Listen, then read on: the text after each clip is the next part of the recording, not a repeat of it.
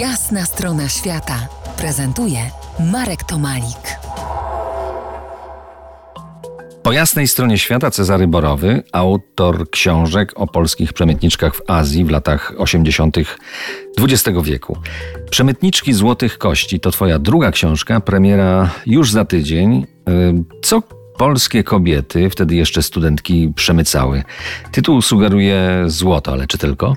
Znaczy tytuł dobrze sugeruje złoto.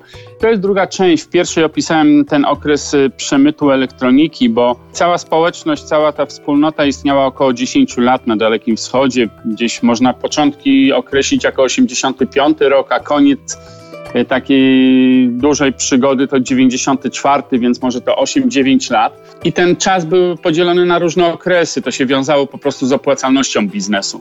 I w tym y, początkowo to była tylko elektronika, później była elektronika i trochę złota, a na koniec było już samo złoto.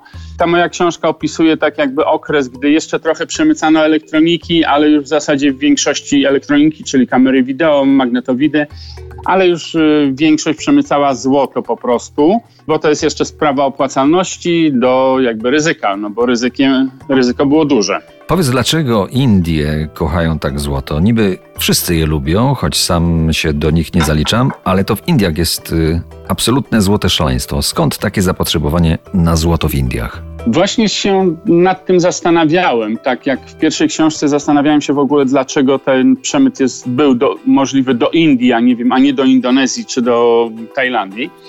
Tak, tutaj się zastanawiałem, no skąd, dlaczego akurat y, w Indiach jest tak duże szaleństwo, że rząd od uzyskania niepodległości w zasadzie do dzisiaj wprowadza tak wysokie bariery celne, próbując ograniczyć import złota z zewnątrz, bo Indie same nie mają obecnie przynajmniej nie mają takiego wydobycia, które by zaspokoiło potrzeby rynku lokalnego. Ale Indie y mają tego złota najwięcej na świecie. W swojej książce piszesz 20 tysięcy ton. To jest dwa razy tyle, co w Stanach Zjednoczonych Ameryki. A w Polsce z tej liczby 20 tysięcy ton jest jedna setna zaledwie. Tak, tylko troszeczkę tak, żebyśmy byli bardzo precyzyjni, bo to, mm, to jest 20 tysięcy ton w rękach prywatnych, czyli to jest wielokrotnie, chyba ze trzy razy więcej niż y, Narodowy Bank Stanów Zjednoczonych. A ile jest w rękach prywatnych Amerykanów, tego, tego akurat nie podałem, ale tak czy inaczej jest, bo nie, nie sprawdzałem tego. Tak czy inaczej jest to ogromna ilość złota. Indusi, jak, jak y, doczytałem w starych księgach, kochają złoto od e, pradziejów, może jeszcze od czasów Sumerów, gdy, gdy początki jakiejś cywilizacji nad Indusem e, powstawały ponieważ w ich jakby mitologii jest takie, coś takiego, że złoto przyciąga szczęście. Chcesz mieć szczęście, musisz posiadać złoto. Jak masz więcej złota, to masz więcej szczęścia. Czyli to jest taka pętla. Masz złoto, to kupujesz złoto, żeby mieć jeszcze więcej szczęścia. Do złotego interesu wrócimy za kilkanaście minut. Zostańcie z nami w RMF Classic.